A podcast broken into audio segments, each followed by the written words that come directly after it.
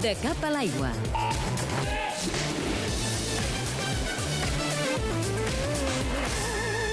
Dejan Savic és una de les llegendes del waterpolo mundial.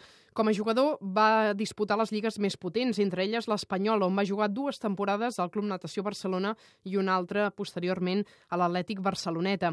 Ara és seleccionador serbi de waterpolo i guarda molt bons records de Barcelona, on va arribar el 1998 quan el seu país encara estava immers en guerra.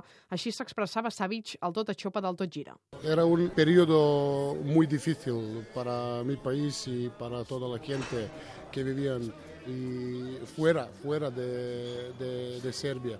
Pero solo que puedo decir que estaba uh, situación muy mala, pero uh, con ayuda de mucha gente aquí, los compañeros y entrenador, estaba, estaba más relajado. Avui han passat ja més de 20 anys des de l'inici del conflicte als Balcans. Les seqüeles d'aquella guerra encara es tradueixen avui a les piscines. La rivalitat entre països encara és ben present arran d'aigua.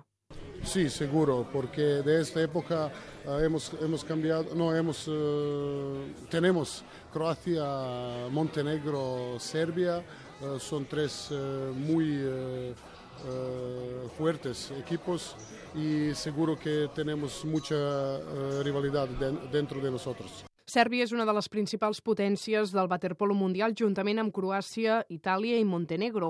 La darrera vegada que la selecció sèrbia va ser campiona del món va ser a Roma 2009, on precisament van guanyar la final contra Espanya. Al darrer Mundial, a Xangai 2011, van ser subcampions i a Barcelona els serbis aspiren a guanyar l'or. Uh, nosotros es esperamos una medalla.